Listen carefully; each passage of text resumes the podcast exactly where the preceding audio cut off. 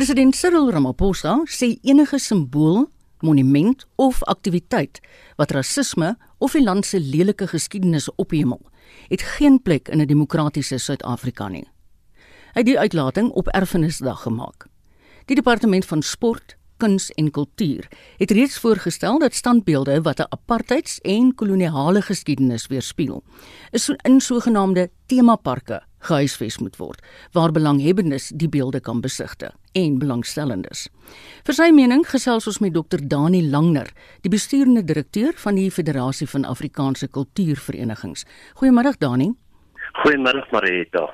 Wat is die FHK se reaksie op die president se uitlatings? In die eerste plek moet ons sê dat ons eintlik verstom is oor waar die regering die geld gaan kry om enigstens temaparke op te rig.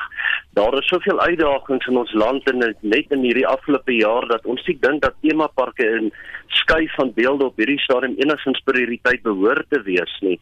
En daar is tans baie leliker dinge in Suid-Afrika wat aan die gang is soos korrupsie wat eerder 'n prioriteit moet wees as die skuif van beelde maar die FK uh, eh, het 'n baie genuanceerde standpunt hieroor.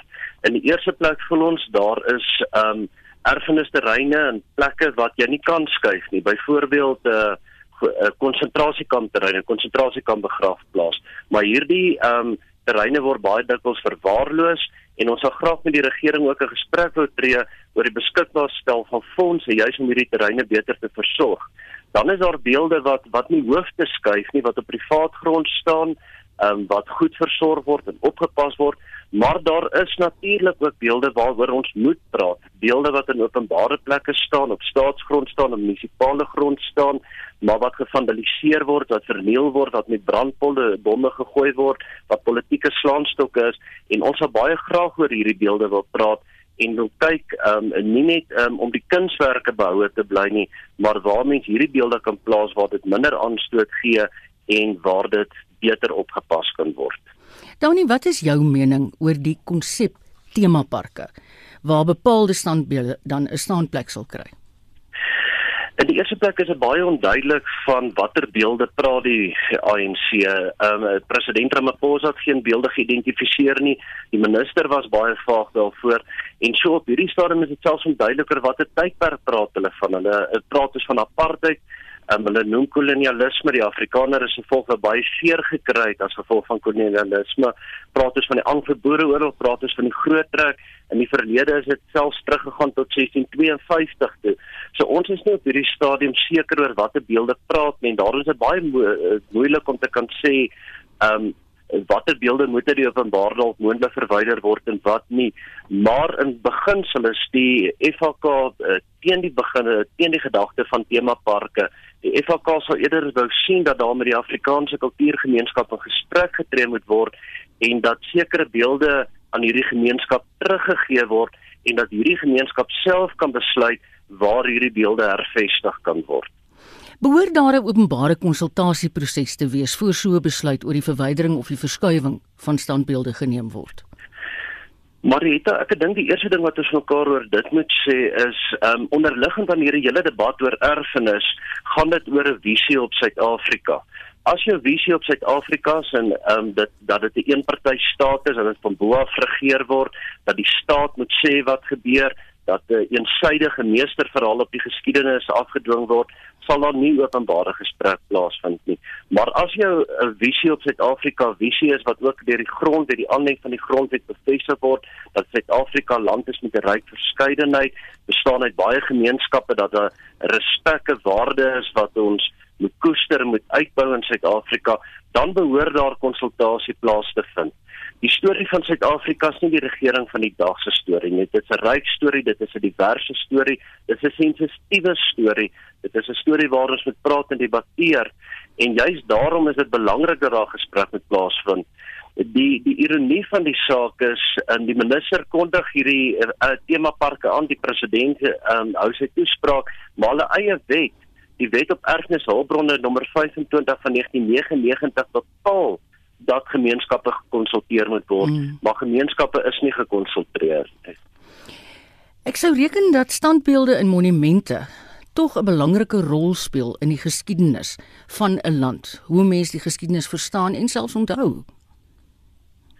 Ja, wat mense altyd met soort standbeelde monumente, dit is in 'n bepaalde konteks opgerig. Dit staan op 'n spesifieke plek en dit is 'n baken van 'n bepaalde historiese gebeure.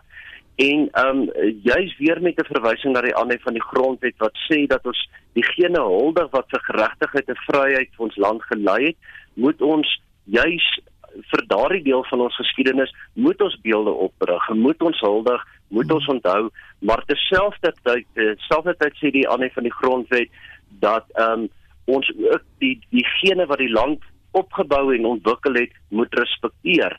En daarom is dit eh, sou sou mens eerder wou sien in Suid-Afrika waar daar 'n 'n veelvoud van simbole is, 'n veelvoud van beelde monumente en dat dit eerder gesprekspunte kan wees hoe mense mekaar se geskiedenis kan leer ken, waardeer en respekteer. Ek dink jy het 'n beter insig as ek, maar hoe groot is die probleem van standbeelde veral van apartheid en koloniale geskiedenis wat gevandaliseer of beskadig word? Uh, weer eens Marietta dit is onseker watter tydperk die ANC bedoel mm. um, as ja. ek weet byvoorbeeld nie op hierdie stadium en en ek praat onder korreksie maar ek weet nie van enige openbare beeld byvoorbeeld van dokter Verwoerd wat nog nie openbaar staan nie. Ehm um, beelde wat wat in die brandpunt is is byvoorbeeld uh, kreer standbeeld op Kerkplein wat gereeld gevandaliseer word as die EFF kwaad is vir iemand. Ehm um, dit is 'n beeld maar dit kom uit 'n ander tydperk en dit hou verband met die ZR tydperk en die Anglo-Boereoorlog. Mm. So ons is nie seker praat ons vir hierdie beeld nie. Um ek verstaan die uh, departement van kuns en kultuur het 'n ondersoek gedoen en dat Suid-Afrikaners eintlik baie ontspanne is oor die beelde en gesprekke wat die FK met Swanie gehad het oor kreerstandbeeld spesifiek. Mm. Um het die uh, Swanie uh, munisipale munisipaliteit gesê hulle wil nie hê die beeld moet skuif nie. So wat wat vir my eintlik vreemd is van die saak is hier's 'n kwessie waar Suid-Afrikaners ontspanne is. Um dit is nie 'n brandpunt in ons eie tyd nie maar die regering van die dag maak dit 'n brandpunt en en skep eintlik spanning daaroor wat heeltemal onnodig is en wat lei tot polarisasie. As joernalis was ek verbaas oor die opmerking wat die president gemaak het. Dink jy 'n mens moet dit sien teen die lig van die verkiesings wat voorlê volgende jaar? Uit die aard van die saak, jy weet, um, is dit waarskynlik maar dit gaan dit oor politiek, maar as kultuurgemeenskap moet 'n mens vir mekaar sê as jy werk met erfenisgoedere, dan gaan dit er baie meer as politiek. Mm. Dit gaan oor 'n historiese geheue, dit gaan oor 'n Suid-Afrika wat ons wil bou en ehm um, en in daai se in 'n diverse Suid-Afrika met 'n rykdom van stories kan ons nie bekostig dat dit vir goedkoop politiek gebruik word nie. Dani, dankie vir jou tyd. Dit was Dr. Dani Langner, die besturende direkteur van die Federasie van Afrikaanse Kultuurverenigings. Ons ken hom as die FAK. Die verkiesingskommissie sê agterstallige tussenverkiesings weens die pandemie sal landwyd op 11 November gehou word.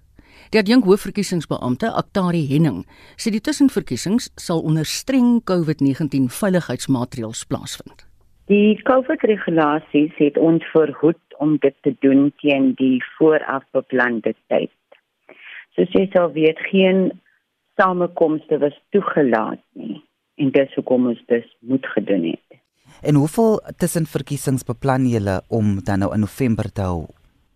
Ons beoog 'n totaal van 96 tussenverkiesings oor die land te hou in 57 munisipaliteite hoeveel mense sal toegelaat word binne 'n stemlokaal? Die getal mense sal afhangende wees van die stemlokaal grootte en die 1.5 meter afstand vereiste reëls. Dit is baie belangrik dat ons by hierdie reëls moet toepas. En as ek gaan stem in 'n tussenverkiesing, watter veiligheidsmaatreëls sal daar nou vir my toegepas word? Ek is die OFK se COVID-19 beampte en al die COVID-19 reëls is van toepassing. Ons het ook ons stemprosedure hersien om 'n omvattende protokol in te sluit wat van toepassing is op beide die stemamptenaar en vir jou as 'n kiezer. Daar sal van kiesers verwag word om 'n masker te dra en te ontsmet wanneer hulle in die stemlokaal betree en verlaat. Verder het ons toegesien dat stemamptenare die vereiste besmettingsmiddels het en opgelei sal word in die gebruik van hierdie insluitend wanneer en hoe die toerusting tussen gebruik moet ontsmet word. Dit is baie baie belangrik. Sal daar soos in die verlede ook dan mobiele stemlokale wees en hoe gaan daardie proses werk? Nee, dit sal nie.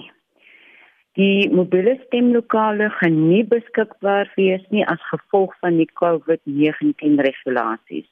Die logistieke daarom sal is net 'n bietjie te veel. Dink net daaraan. As ons nou 'n mobiele stasie moet opstel en dan moet ons voorbereiding sal moet kan maak vir mense vir die afstand wat ons moet hê en al daai goed. So daar gaan geen van hierdie mobiele stemlokale beskikbaar wees. Wat moet 'n kiezer saambring indien hy of sy gaan stem in die tussenverkiesing? Soos gewoonweg bring jy jou identiteitsdokument, maar hierdie keer moet jy verseker maak dat jy nie jou masker vergeet nie asseblief. En moet jy jou eie pen bring of gaan die pen ontsmet word? Ons het penne, ons sal die pen in die boks en die toerusting, al die toerusting deur die hele proses sal ontsmet word voor die volgende kiezer daai uh, toerusting gebruik. Het julle al datums vir volgende jaar se munisipale verkiesings? So die verantwoordelikheid vir dit uh, die verantwoordelike gesag is die minister van Kopta. Konsultasies met die minister het al begin en soos ons al weet, volgens die wet moet die munisipale verkiesings tussen die 3de Augustus en nie later as die 2de November volgende jaar plaasvind. Is daar enige planne vir elektroniese stemming in ons nabye toekoms? Die bedoeling was om 'n toets in die munisipale verkiesings te doen, maar as gevolg van finansiële beperkings sal dit nie moontlik wees nie. Ons sal die toepaslike tegnologie vir die toekoms ondersoek, maar beslis nie vir 2021 nie. Dit dan Aktari Henning, die verkiesingskommissie se adjunk hoofverkiesingsbeampte, en sy was in gesprek met Jean Esterhuizen, vandag se redakteur. Die minister van Bosbou, Visserye en Omgewingsake, Barbara Krisi, het forel tot die lys van uitheemse indringerspesies gevoeg. Dit word in gevolge die wet op nasionale omgewingsbestuur vir biodiversiteit gedoen. Krisi het 'n wysiging aan die wet gemaak en in die staatskoerant gepubliseer. Vir die aksie op die verwikkeling praat ons nou met Gerry van der Merwe. Gerry is die voorsitter van die Forel Boerevereniging van Suid-Afrika. Goeiemôre Gerry. Hallo Gerry. Ek by ons het vir Gerry verloor. Die kun die kunstenaar Angel Ho is in die Kaap gebore, maar deesdae is sy amper meer bekend in Europa, waar sy musiek, lirieke en dansbewegings gebruik om 'n verskil te maak. Deel van haar roeping is om die kollig of dalk eerder die disco bal op LGBTQI+ kwessies te vestig. Anne Marie Jansen van Vuren het meer. Angel House se Kaapse wortels is so eie aan haar musiek, soos Fynbos en Koesisters aan die Bo-Kaap. Coming from Cape Town, I really enjoy the music culture. It influences me in my shows, my tours. I always bring some Cape Town flavor to the stage. Also, I'm very involved in the global music culture because of the internet. And that's I was working with producers Kanye West for my first release Arca. Like that was crazy. And it was just an amazing experience to be able to put my music on such a platform. Sedertdien toer Angel veral in Europa met musiek wat nie tot 'n spesifieke genre beperk kan word nie I make all types of music. I'm not specifically signed to one genre. I'm always exploring the the narratives. How can I like take a genre, create a new formula with it while respecting it? Currently I'm making disco and pop and I'm also making um electronic hip hop, futuristic hip hop. Yeah. Like to use live instrumentation. Um, I love to work with my band. Like I'm obsessed with rock, rock and roll, and I also like to just create beautiful music. I love bird sounds, like I'm obsessed with bird sounds. Every bird that I hear, it sounds familiar and I just remember them and they follow me around the city wherever I move. I'm like a gypsy. Angel House se musiek vorm die klankbaan van die dokumentêre rolprent vir Art of Fallism wat op die aanlyn platform van die Durban Internasionale Rolprentfees vertoon word. Dit is heel gepas, aangesien Angel self ook as 'n jong visuele kunste student aan die Universiteit van Kaapstad by die Fallism beweging betrokke was. So I was really interested in creating art in response to the movement. So my action was I created soundscapes and sonics for solidarity, for what it is like to protest, all these things, recording and documenting through a trans lens. Also, I went to protest as well, the one that we went into parliament, and it was so traumatic, but you know, things had to be done. Angel sê tydens die meeste van die Volism protesaksies het LGBTQI aktiviste gevoel asof hulle stemme geminag word. Mostly it's because there's this heterotopia of ideas that come with protesting. I mean, let's think about previous protesting, like during apartheid, for example, like there weren't many queer voices in the forefront of the movement. And even now, it was a handful of artists and activists that actually decided to take the initiative to speak on LGBTQ issues within the university and decolonial practices. And I think it was just really unfair that a few of us had our voices heard in the time when we all should have mobilized. But we were holding it down at our campus, darling. We were protesting on the arts campus. Eenmal 'n aktivis, altyd 'n aktivis. Angel House span nou musiek, lirieke en dansbewegings in om die kollig op transgender kwessies te plaas, het sy op 'n plaaslike of internasionale verhoog. I'm showing you that I can be the best of the best, like the Gagas and the Madonnas and the Nicki Minaj's, like what the girls can do.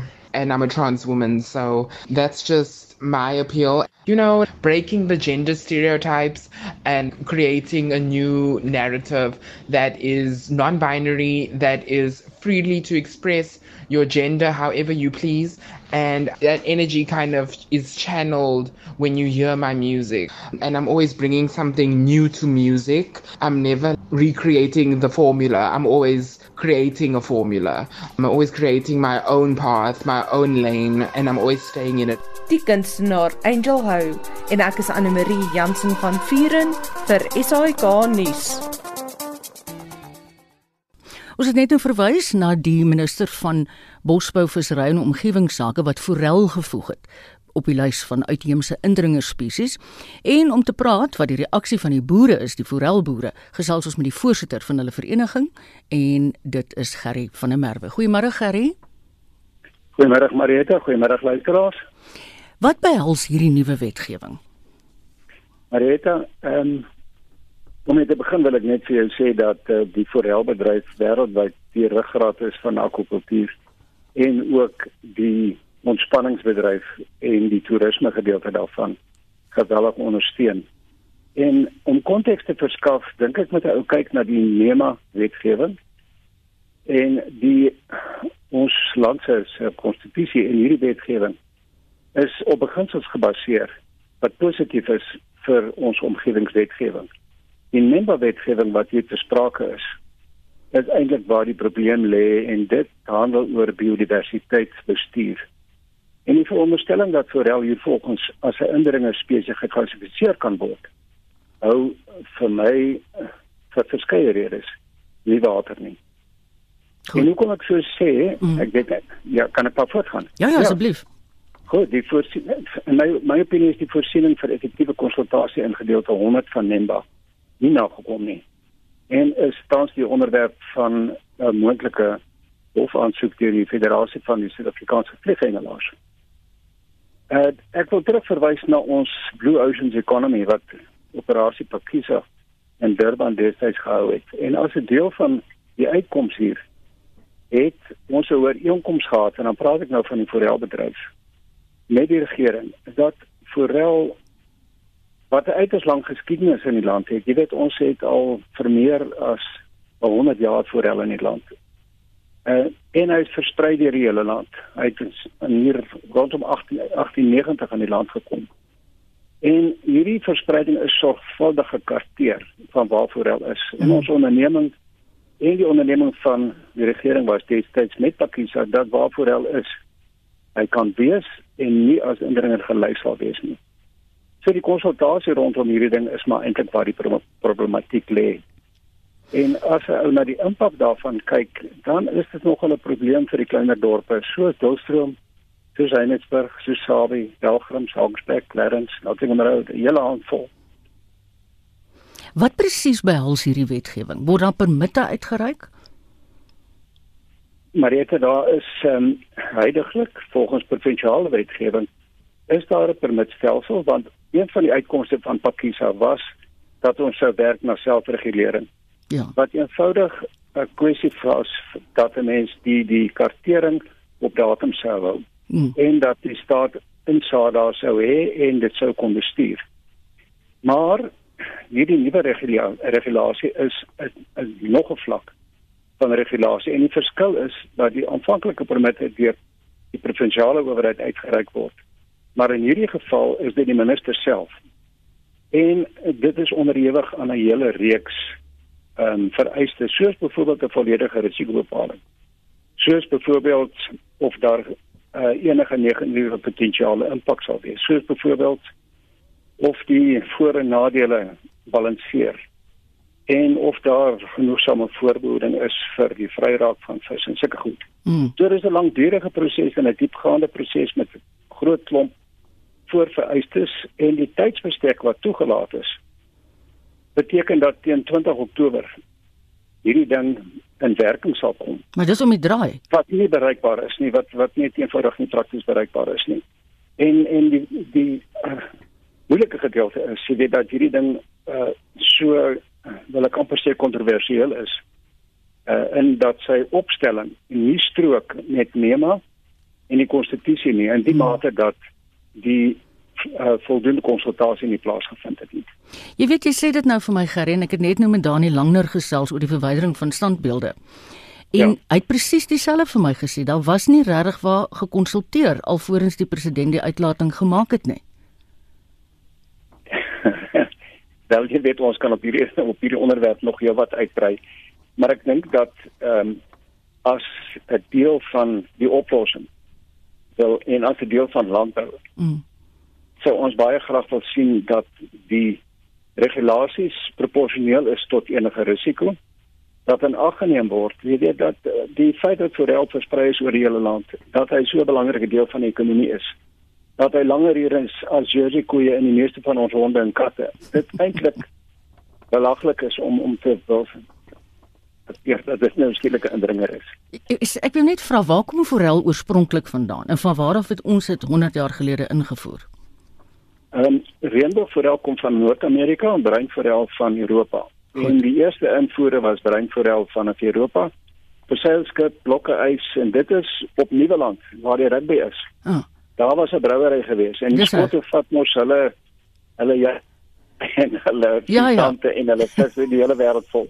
So hulle het die eerste forel eiers ingebring en dis op Nieuweland uitgebrei en daarvan aan versprei deur die hele land. Kan jy dit glo? Nou die departement uh van bosbou en visserye en so reken dat forel is die rede hoekom die getalle van inheemse visse en ander spesies minder word. Maar wat eet 'n forel?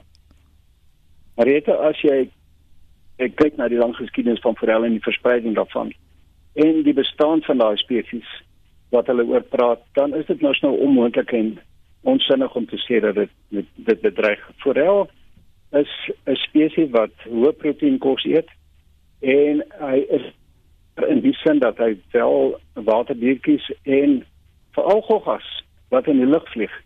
En dis hoekom die vliegengelpatrone so aangepas is by die vleiende goggatjies En um, as jy nou kyk na wat eet 'n forel, dan moet ek vir jou sê forel is gelys as 'n sessie groen vis wat beteken hy is omgewingsvriendelik, mm. hy's volhoubaar geproduseer en die tegnologie tot ehm um, teweeggebring dat die forel die eet wat hoë proteïen is begin deur navorsing onafhanklik raak van vismeel en word vervang met natuurlike proteïene, plantproteïene. Jy weet so die wetenskap het bygedra daartoe dat hy sê sy groen gelys is.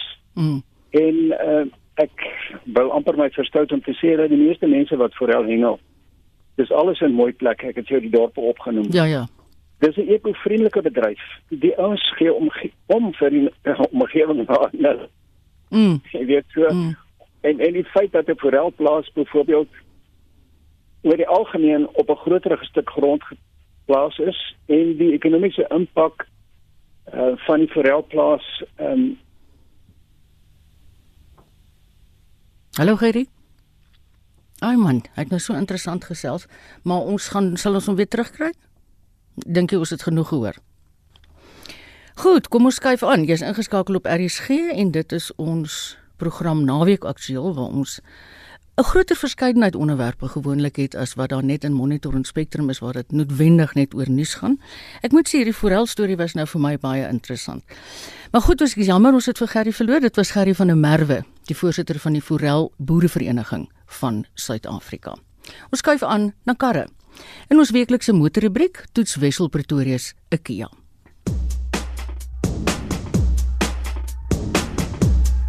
Dit wemel van die kruisvoertuie en sportnutse in die kompakte gesinsmotorsegment. Die Ford EcoSport, Renault Duster, Suzuki Vitara, Hyundai Creta, Volkswagen T-Cross, Peugeot 2008, Opel Mokka X en die Mazda CX-3 om net 'n paar te noem. 'n Nuwe toetreder is die Kia Seltos wat een van die groter kompakte kruisvoertuie is teen 4,315 meter, net 'n knerts korter as 'n Nissan Qashqai. Die dierder modelle kom met turbo petrols en turbo diesels. Aan die onderkant van die reeks kry jy 3 nie aangejaagde 1.6 petrol modelle waarvan ek die Lexer EX outomaties gery het. Hy het 'n interessante voorkant, 'n fris neusgedeelte met wat lyk soos twee stelle hoofligte bo-op mekaar. Die boonstes is dagryligte met die nagligte onder. Ook dakreëlings en aantreklike 17 duim alloy wiele. Binne is die kajuit en instrumente netjies uitgelê met 'n goeie dosis standaardkenmerke op hierdie EX+. Soos leer op die sitplekke stuur en radkierie. Dogbeheer en 'n sentrale skerm wat maklik werk. Jy kry toegang tot Apple CarPlay en Android Auto, Bluetooth en stemkontrole. Jy kry ook 6 luidsprekers in USB-punt en 'n 12V sok. Ongetwyfeld 'n sterkpunt van die Seltos is sy hier baie ruimte binne want ek is 'n lang ou pas agter myself in met die voorste stoel geskuif vir my lengte en as ek hier agter sit raak my knie nie die voorste sitplek of my kop die dak nie. En gepraat van die sitplekke, baie gerieflike leersitplekke voor en agter. En die bagasiebak is nie 'n slegte grootte nie. So lekker klewerige mat doen uh, op die bodem diens wat 'n uh, keer dit goed rondskuif. En 'n volgrootte spaarwiel heel onderin. Nie gegeewe in die klas nie. 'n Ding wat wel geplaat is die linker agtervenster. As jy hom oopmaak, klink dit so. En die toemaak so.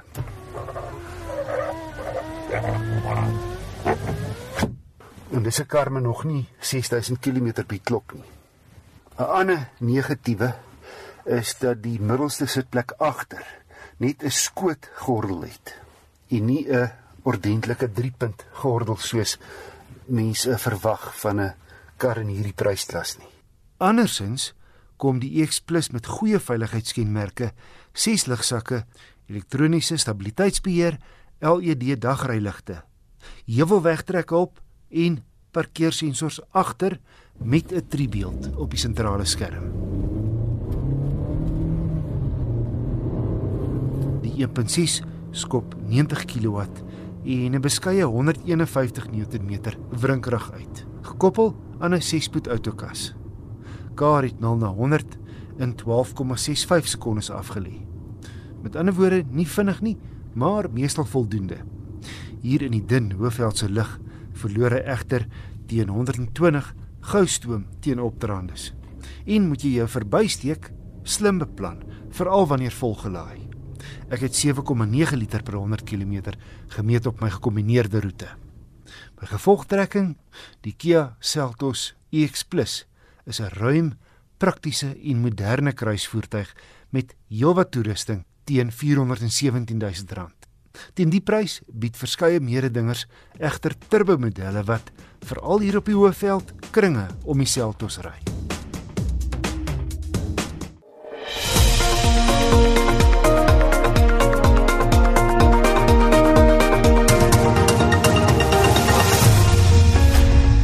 Vanjaar is die 11de keer dat die sogenaamde Peninsula Paddle tussen Sandvlei Riviermond en die Milnerton Strandmeer plaasvind. Die keer het die gepubliseerde datum egter verander. Ons praat nou met Jackie Sands, bemarkingsbestuurder van die Kaapstadse Omgewingsopvoedingstrust. Goeiemôre Jackie. Dag sien Marieta. Vir ons luister Nee, dis doodreg. Vir ons luisteraars wat nie bewus is van die Peninsula Paddle nie, gee ons 'n bietjie agtergrond. Uh, ja, die Peninsula Paddle is 'n vennootskap met UCT se Future Water Institute, Cape Town Environmental Education Trust, Friends of the Lisbjerg, uh, Kailicha Canoe Club, Sandklei Trust en die stad Kaapstad gereël. Ehm uh, daar is veel vir jou om by die geleentheid by te woon nie en dit word van jaar nie eintlik beoog om 'n groot gedeelte van die publiek te betrek nie. Ehm um, ons droom is altyd om 'n groot kar te hê, maar mm. moet hierdie jaar heel wat nee, afstel. Ehm um, ja, so die boodskap bly belangrik. Asook die doelwit om mense van die verskriklike toestand uh, van die riviere bewus te maak. Ehm um, en dat die omgewing almal se verantwoordelikheid is. Ehm um, in in op die route wat ons gekies het vir die Peninsula Saddle, mm. uh, dit spesifiek gekies om die sosio-ekonomiese ongelykheid binne die stad te beklemtoon. Terwyl dit wys dat ons almal verbind is met die waterweë van die stad. Ja. So dit is met ander woorde julle doelwit vir die paddle. Ja, deur mense eh uh, deur mense met die water weer te verbind, kan die ruimtelike en ekonomiese verdeeldheid in die stad oorbrug word. Eh uh, deur hierdie belangrike blou en groen gange wat deur die stad loop. En die tema vir hierdie jaar se paddle is die tragiese reis van rommel in ons waterweë. Ja, ja dis dis vir ons baie belangrik dat mense kennis neem um, en probeer om hulle negatiewe gewoontes te verander. Uh, dis vir dis vreeslik te leerstellend om te sien dat ons soveel rommel in die riviere vind en moet verwyder. En die, die probleem is eintlik dat mense so van die omgewing vervreem is mm. en dat daar min aandag geskenk word aan die gevolge van rommel en ander afval wat in die riviere beland en self uh, by die see uitkom. Ja. Jackie, moet julle nou noodwendig spesiale reëlings tref met die oog op COVID? Ja, dit is belangrik dat ons beperkingsprotokol volg om almal wat betrokke is te beskerm. Um, en daarom daarom het ons uh, slegs 3 roeiers wat hierdie jaar deelneem. Uh dit is eintlik 3 roeiers per afdeling en daar's 6 afdelings op die roete wat in Sandklei begin en in Monmouth eindig. Mm -hmm. Maar tussenin met roeiers uitklim en loop of ry ja, ja. van van een gedeelte tot die ander toe. Ehm um, so ja, die COVID reëlings is ook die rede waarom ons nie hierdie jaar waarnemers aanmoedig nie. Maar as enigiemand graag by die skoonmakery wil deelneem, kan hulle ons gerus kontak om by klein groepe aan te sluit wat ons reël om op die dag langs die roete vir hulle op te tel. O, dis wonderlik. Waar kan hulle julle kontak? Ehm um, hulle kan eintlik vir my kontak. My nommer, kan ek my nommer gee, Marita? Het jy nie dalk eerder vir ons 'n e-posadres nie, net net jy ja, die, dese en gene wat jou skakel? Ja. Ehm um, die die e-posadres wat hulle kan gebruik is events events C T E E T C T E E T .co.za. Goed, ek gaan nou nou herhaal. Ek herhaal hom net gou vir jou. Events by C T E E T.co.za. Dis reg. Want eintlik dink ek as hulle in klein groepies gaan hulle gaan op daai roete, kan hulle verskriklik baie rommel optel. Absolutely. Ja, definitief. Jackie, hoekom het julle ouens die datum verander? Ehm um, en dit dit sou ons aanvanklik môre gewees het, die 27 September, wat mm. eintlik wêreldriviere dag ja, is. Ja, ja. Maar die reën hierdie naweek sou die reis te moeilik gemaak het. Ja, ek um, hoor julle kry koud op die oomblik. baie koud ja. Dis soveel reën vandag. Maar ons moet dit ook vir film om 'n dokumentêr te maak en dit is dit is ons ja. uh, die datum verander na die 4 Oktober toe. 4de Oktober, dis nou volgende week. Dis reg. Ek verstaan dit heeltemal want jy kan nie in die reën skiet nie. En soos jy reg sê dit is koud en dan dan verloor mense eintlik die rede waarom jy dit wil hou. Ek wil net voordat jy gaan ehm um, weer jou e-posadres bevestig. En dit is nou op die 4de Oktober die Peninsula Parel in die Kaap tussen Sandvlei en Milnerton se strandmeer. En die e-posadres vir mense wat belangstel is events by cteet.co.za Is dit reg Jackie? OK. Hoorie, ek hoop dit loop baie mooi en moenie verklei meer die naweek nie. Baie baie dankie, dankie dat ons die luisteraars kon toespreek en nee. kon eindig oor ons belangrike werk wat ons doen. Presies. Ons sal julle baie graag wil help. Dis Jackie Sands, die bemarkingsbestuurder van die Kaapstad se omgewingsopvoedingstrust. Skus tog luisteraars dat ek nou so paranikkel het. Die Javid Kunstsentrum by die Universiteit van Pretoria het die week na 6 maande weer sy deure oopgemaak. Die direkteur, Christopher Til, sê hulle moes aanpas by die inperkingsregulasies en het toe besluit om 'n inry kunsuitstalling te skep. Die Javid het toegemaak in Maart maand en ons het hierins die volgende 6 maande probeer om al die uitstallings wat binne is op uh, digital platforms gesit om ons publiek te laat sien wat binne is, maar ons kan nou uh, hulle weer welkom om in die sentrum kom besoek Watter kunswerke of kunstenaars se werk stal julle nou uit? Die Gubwe goud die goudrenoster wat bekend is is in daai versameling en onder is die Anglo Gold Barbie Mule Wes Afrika goudversameling en dit is 'n wonderlike uitstalling van goud wat in Wes-Afrika en ook hier in Suid-Afrika in Mapungubwe uh, gevind is. Ons het dan die 101 Collecting Conversations Signature Works of a Century. Dit is 'n uitstalling wat ons bymekaar gesit het met werke wat ons geleen het van amper uh, eh, 64 versamelings en ons het die bekende werke bymekaar gebring, 101 van hulle en dis eintlik amper soos 'n geskiedenis van Suid-Afrikaanse kuns. En dan ons het iets gedoen en dit gaan in die Javid wees vir die volgende maand en dit is 'n versameling van werke van Wenda. Die naam van die uitstalling is Shaping the Grain. Wat ons gedoen het is al hierdie werke onder 18 van hierdie uh, houtbeeldwerk stukke onder in die kering 'n trein gesit en jy kan maar in jou kar laat bly en weer die versameling ry. So dit was iets anders wat ons probeer vir mense wat uh, nog nie veilig voel dat hulle kan in die kar sit eintlik en deur die versameling ry.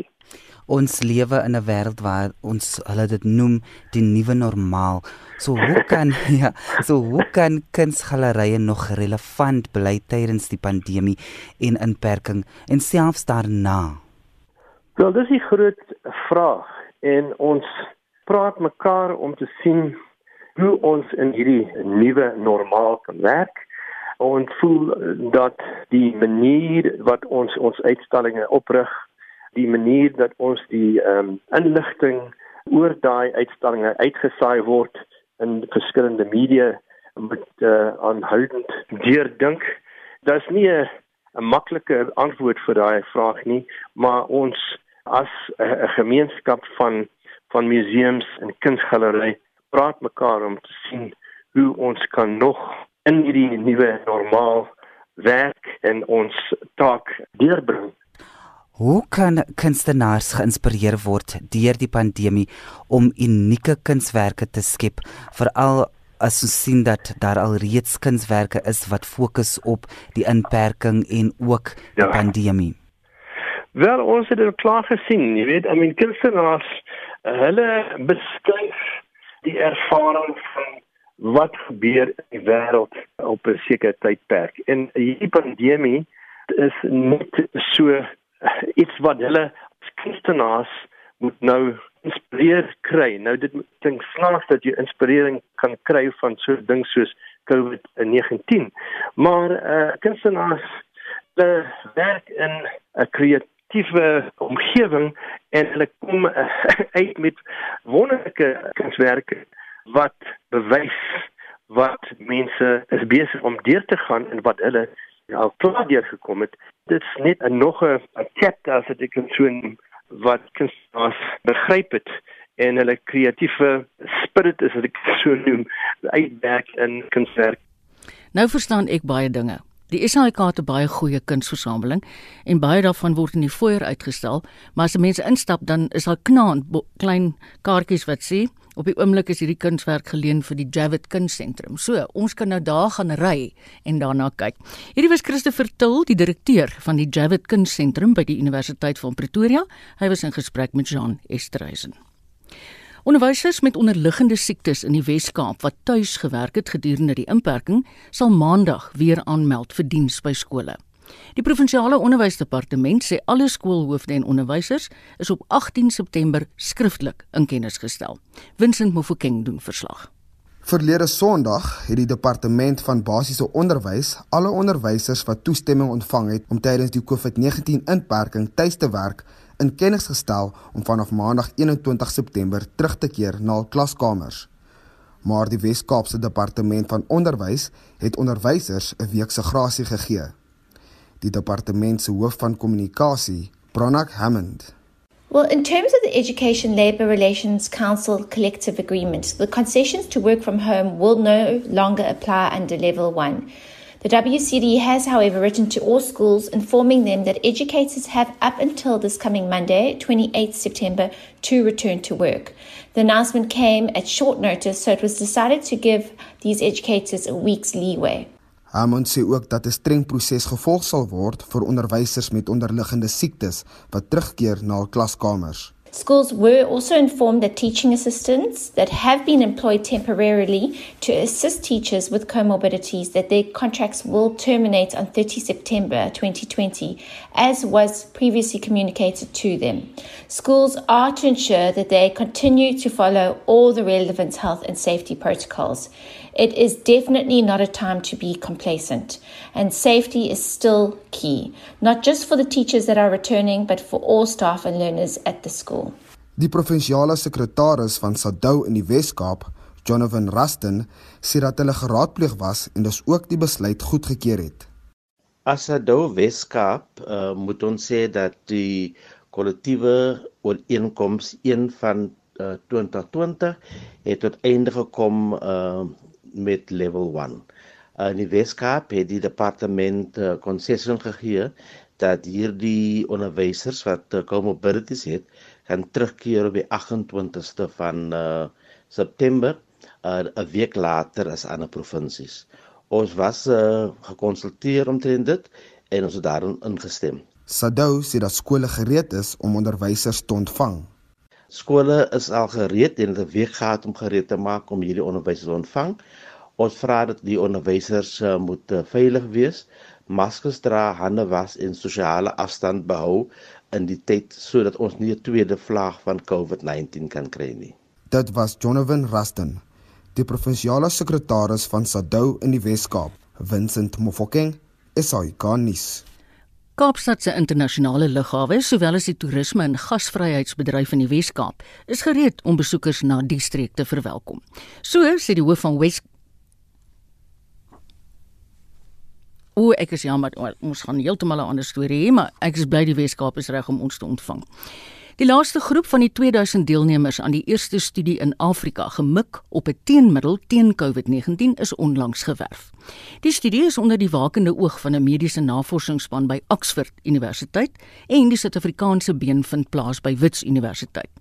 Die studie is 'n paar weke terug vertraag omdat 'n deelnemer in Engeland siek geword het, maar daar is bevind die persoon se siektetoestand is nie verwant aan die enstof wat getoets is nie. Darren Taylor het meer mediese wetenskaplikes is onder geweldige druk om die teenmiddel te ontwikkel wat die lyding wat deur COVID-19 veroorsaak is tot 'n einde sal bring Die leier van die studie in Suid-Afrika, professor Shabir Madi, sê hy het self nie 'n idee van wanneer die medisyne gereed gaan wees nie.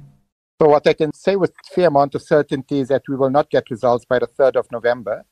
Madi se kommentaar is 'n antwoord op die Amerikaanse president Donald Trump se onlangse stelling dat 'n enstof dalk gereed gaan wees voor die verkiesing in die VSA op die 3de November. Madi glo nie dis moontlik nie. For you to be able to address the question as to whether the vaccine protects against COVID 19, you need to have X number of individuals that actually develop COVID 19.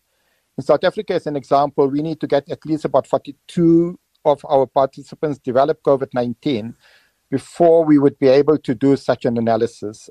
Uh, when we started the study, mediese navorsers maak gebruik van 'n ingewikkelde formule om sogenaamde eindpunte of uitkomste in hulle studies te bereik en vas te stel.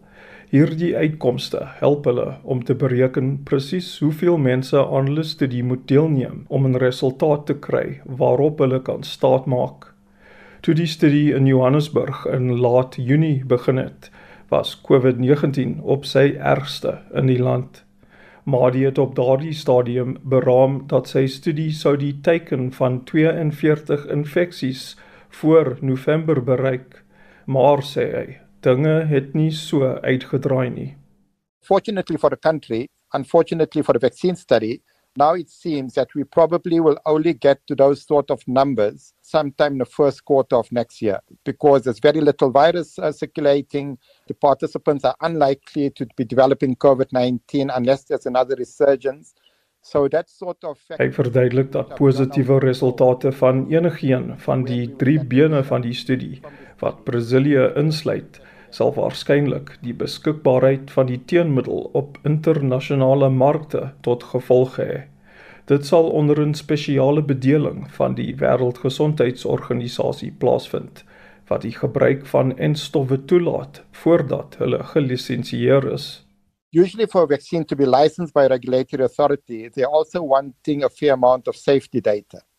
So you can have a situation that you actually start allowing for vaccine usage before it completes all of the hurdles related to regulatory approval.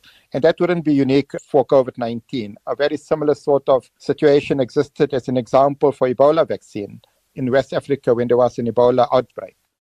Maar die glo in tweede golf van infeksies kan dalk in die nabye toekoms Suid-Afrika tref as mens leiding neem van wat in die noordelike halfrond se somer gebeur het.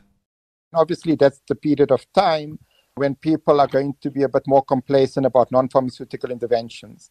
So it might well be that we would start seeing less adherence to non pharmaceutical interventions, that we might see people engaging in family uh, gatherings, etc., during the December vacation period. And then come end of January, beginning of February or so, we might start seeing the resurgence. Internasionale vlugte na Suid-Afrika gaan op die 1 Oktober hervat word en die toerismebedryf hoop vir groot getalle buitelandse besoekers om dit weer op die been te bring. Maar sommige mense is bekommerd dat dit tot 'n toename in infeksies sal lei. Maar die stem nie saam nie. We are not the countries such as New Zealand or Australia or Iceland as an example, which are island nations that have truly been able to contain spread of the virus. We've got virus that is disseminated in terms of its transmission, and having a few visitors come across what even if they're infected with the virus it's not going to lend to massive outbreaks that wouldn't be the reason Die wetenskaplike sê Suid-Afrika moet hom nou toespits op die volhouding van veiligheidsmaatreëls soos die dra van maskers en hande was en nie op regulasies nie. Ek is Darren Taylor in Johannesburg. Dit was dan naweek aktueel vir vandag. Ons redakteur vandag was Jean Esterhuizen, produksieregisseur Daitron Godfrey. Net hierna sit Estie reg met die 1 uur nuus en onthou, moenie vergeet nie, ons saai vanmiddag rugby uit op RSG. Ek weet dit is 'n vreemde gevoel. Dit voel of ons dit in die vorige millennium laas gehoor het, maar ons gaan dit inderdaad doen. Geniet die res van die naweek in die geselskap van RSG en tot ons weer ontmoet volgende week. Mooi bly.